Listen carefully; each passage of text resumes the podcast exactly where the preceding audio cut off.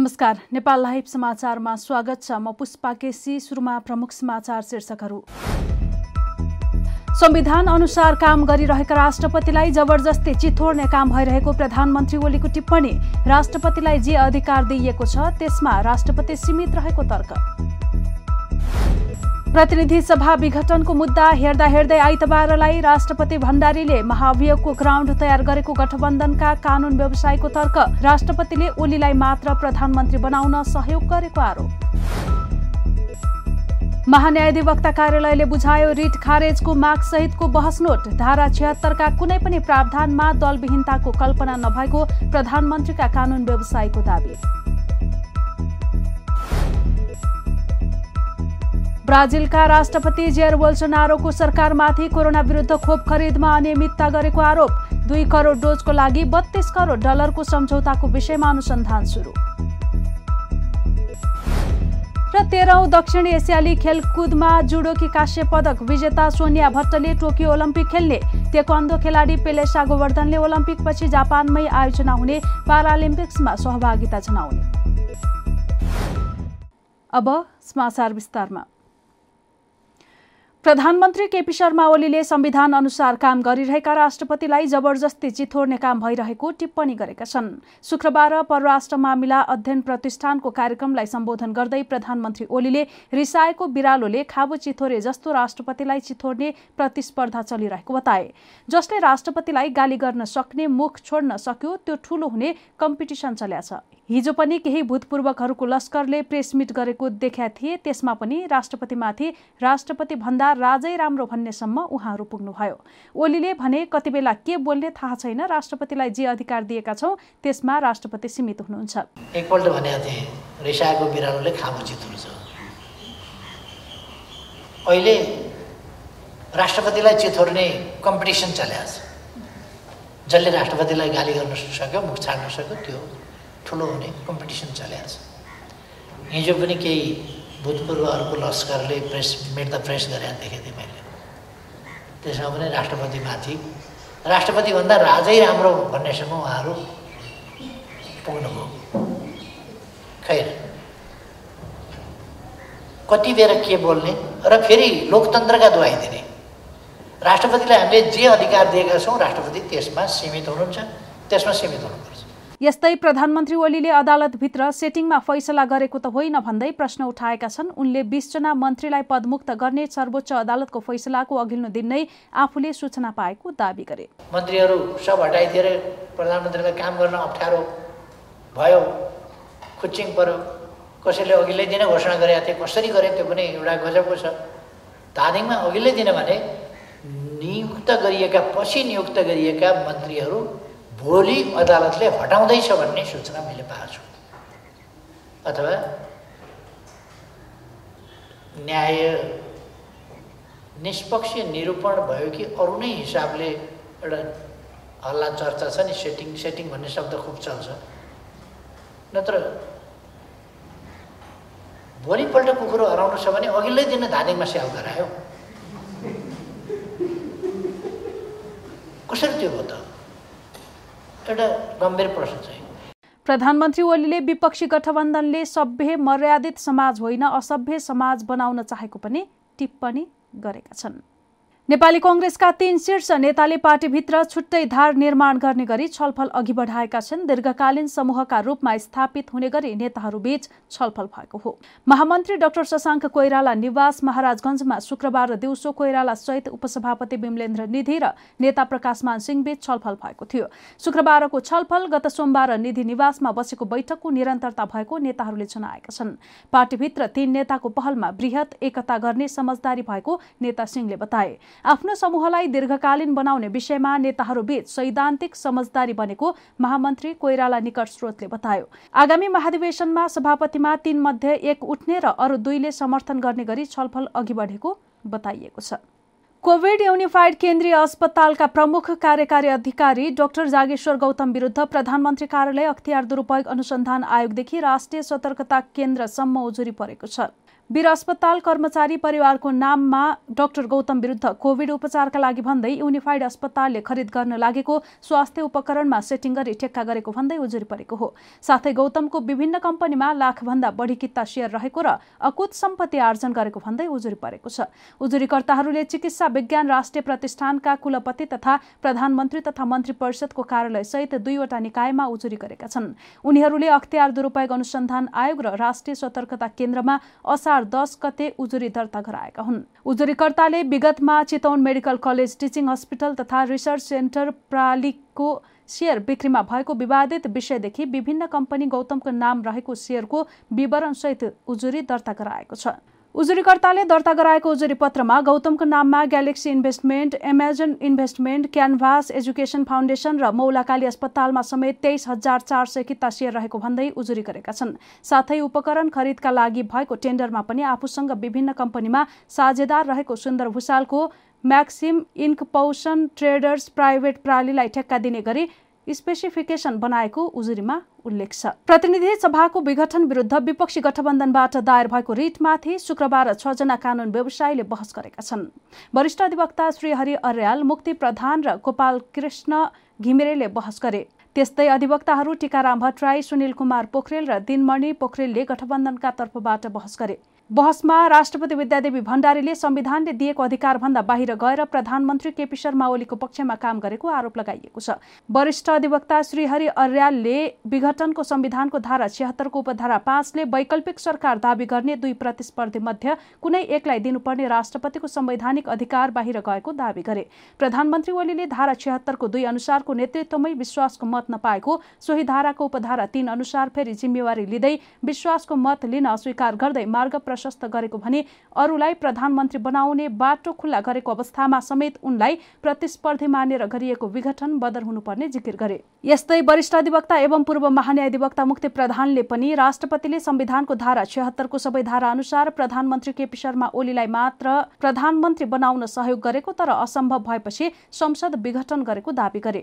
वरिष्ठ अधिवक्ता गोपाल कृष्ण घिमिरेले छिहत्तरको दुई अनुसार विश्वासको मत पाउन नसकेको प्रधानमन्त्रीले फेरि अर्को उपधारा अनुसार दावी गर्न अयोग्य भएको दावी गरे। अधिवक्ता टीकाराम भट्टराईले राष्ट्रपतिले संविधानले दिएको अधिकार अनुसारको काम नगरेर महाभियोगको ग्राउन्ड तयार गरेको तर्क गरेका छन्। अधिवक्ता सुनिल पोखरेलले संविधान अनुसार एउटा धारामा असफल भएको प्रधानमन्त्री अर्को धारामा अयोग्य नहुने अवस्थामा ओलीले एकपछि अर्कोमा दावी गर्दै असंवैधानिक कार्य गरेको दावी गरे। प्रमुख प्रतिपक्ष नेपाली कंग्रेसका सभापति शेरबहादुर देउबालाई प्रधानमन्त्री नियुक्त गर्न र प्रतिनिधि सभा विघटन गैर संवैधानिक भएको जिकिर गर्दै एक सय छ्यालिस सांसदले सर्वोच्चमा निवेदन दिएका थिए। उक्त रिटमा बुधबारदेखि अन्तिम सुनवाई सुरु भएको थियो।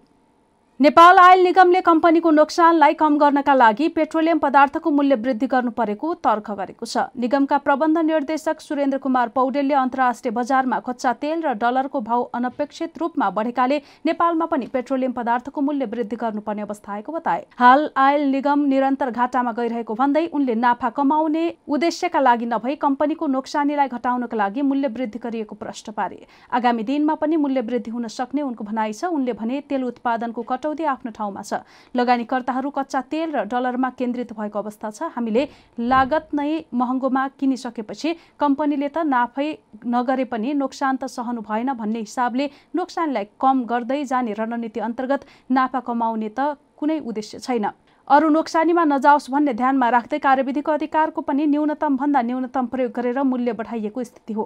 निगमले असार नौ गते राति बाह्र बजेदेखि लागू हुने गरी पेट्रोल तथा डिजेल मट्टीतेलको साबिकको बिक्री मूल्यमा दुई रुपियाँ वृद्धि गरी नयाँ खुद्रा बिक्री मूल्य क्रमशः एक सय सत्ताइस रुपियाँ एक सय दस रुपियाँ कायम गरेको छ। त्यसै गरी आन्तरिक उडानको हवाई इन्धनमा प्रति लिटर दुई रुपियाँले वृद्धि गरी बयासी रुपियाँ प्रति लिटर र अन्तर्राष्ट्रिय उडानको हवाई इन्धनमा अमेरिकी डलर बिसले वृद्धि गरी नयाँ बिक्री मूल्य अमेरिकी डलर सात सय पैँतालिस प्रति किलो लिटर कायम गर्ने निर्णय गरेको छ। यति वृद्धि गर्दा पनि निगम अझै निकै घाटामा रहेको प्रबन्ध निर्देशक पौडेलले दावी गरेका छन्। सर्वोच्च अदालतमा जारी प्रतिनिधि सभा विघटन विरुद्धको संवैधानिक सुनवाईमा प्रधानमन्त्री केपी शर्मा ओलीका तर्फबाट महान्यायाधिवक्ता कार्यालयले बहस नोट बुझाएको छ। यसअघि असार नौ गतेदेखि निरन्तर सुनवाई गर्ने आदेश दिँदै सर्वोच्च अदालतले असार दससम्म बहस नोट बुझाउन दुवै पक्षलाई आदेश दिएको थियो। त्यही आदेश बमोजिम बिहिबार दुवै पक्षले सर्वोच्च अदालतमा बहस नोट पेश गरेका हुन्। राष्ट्रपतिको कार्यालय प्रधानमन्त्री ओली प्रधानमन्त्री तथा मन्त्री परिषदको कार्यालय र निर्वाचन आयोगका तर्फबाट महान्यायाधिवक्ता कार्यालयका कानुन व्यवसायले तेइस पृष्ठ लामो बहस नोट बुझाएका छन्। सर्वोच्चको आदेश अनुसार निवेदक र सरकारी पक्षले आफ्नो बहस नोट पेश गरेका हुन्। निवेदकहरूले प्रतिनिधि सभा विघटन असंवैधानिक भन्दै राष्ट्रपतिको भूमिकामाथि प्रश्न उठाएका छन् भने सरकारी पक्षले विपक्षी गठबन्धनको दावी नै नलाग्ने जिकिर गरेको छ। सरकारी पक्षले पेश गरेको बहस नोटमा राष्ट्रपति कार्यालयमा दावी गर्दा गठबन्धनका तर्फबाट पेश भएको हस्ताक्षर र सर्वोच्च अदालतमा पेश भएको निवेदनको बारेमा पनि कानूनी रूपमा प्रश्न रहेको उल्लेख गरिएको छ। सरकारी पक्षले आफ्नो बहस नोटमा विपक्षी गठबन्धनका एक सय छ्यालिस निवेदन नै नरहेको दावी पेश गरेको छ। यस्तै प्रधानमन्त्री केपी शर्मा ओलीका कानून व्यवसायीहरूले दलीय राजनीतिमा दलको सांसदको भूमिका एवं चरित्र निर्दलीय हुन नसक्ने दावी गरेका छन्। सर्वोच्च अदालतमा बहस नोट पेश गर्दै उनीहरूले राजनीतिक दल सम्बन्धी कानूनले दलविहीनताको कल्पना नगरेको बताएका छन्। उनीहरूले राजनीतिक दल सम्बन्धी कानूनले नेपालको संविधानको धारा छिहत्तर पाँच वा अन्य कुनै पनि राजनीतिक क्रियाकलापमा दलका सांसदलाई पार्टी विपरीत स्वतन्त्र नराखेको जिकिर गरेका छन्। हामी नेपाल लाइभ समाचारमा छौँ। अब अन्तर्राष्ट्रिय समाचार।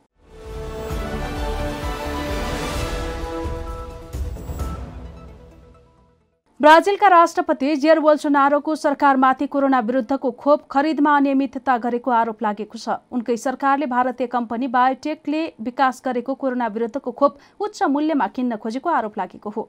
अन्तर्राष्ट्रिय समाचार एजेन्सी रोइटर्सका अनुसार गत फेब्रुअरीमा ब्राजिलले भारत बायोटेकसँग खोप खरिदको सम्झौता गरेको थियो।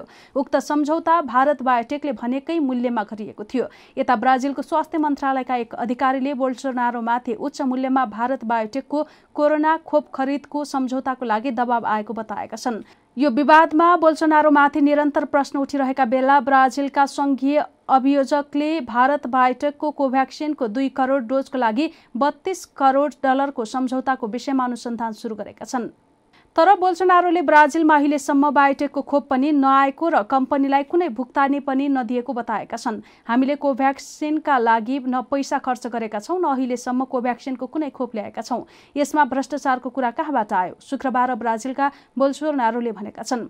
ब्राजिलमा फाइजरले गत वर्ष कोभ्याक्सिन भन्दा पनि कम मूल्यमा खोप दिने प्रस्ताव गरेको थियो तर सरकारले फाइजरको प्रस्तावमा उदासीनता देखाएको अन्तर्राष्ट्रिय सञ्चार माध्यमले जनाएका छन्। नेपाल लाइभ समाचारमा अब खेल समाचार।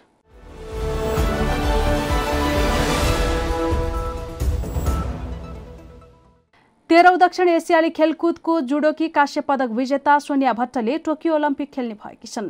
भट्टले वाइल्ड कार्ड प्राप्त गरेको नेपाल ओलम्पिक कमिटीले जनाएको छ। जुडो इन्द्रबहादुर श्रेष्ठको नाम पनि वाइल्ड कार्डका लागि सिफारिस गरिएको थियो।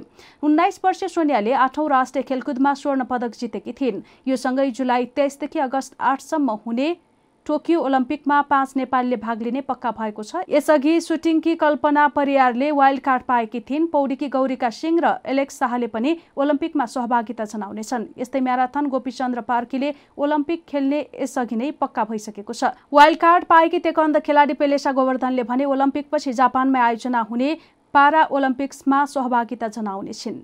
नेपाल लाइभ समाचार सकिएको छ। समाचारको अन्त्यमा प्रमुख समाचारका शीर्षकहरू फेरि पटक। संविधान अनुसार काम गरिरहेका राष्ट्रपतिलाई जबरजस्ती चिथोड्ने काम भइरहेको प्रधानमन्त्री ओलीको टिप्पणी राष्ट्रपतिलाई जे अधिकार दिइएको छ त्यसमा राष्ट्रपति सीमित रहेको तर्क।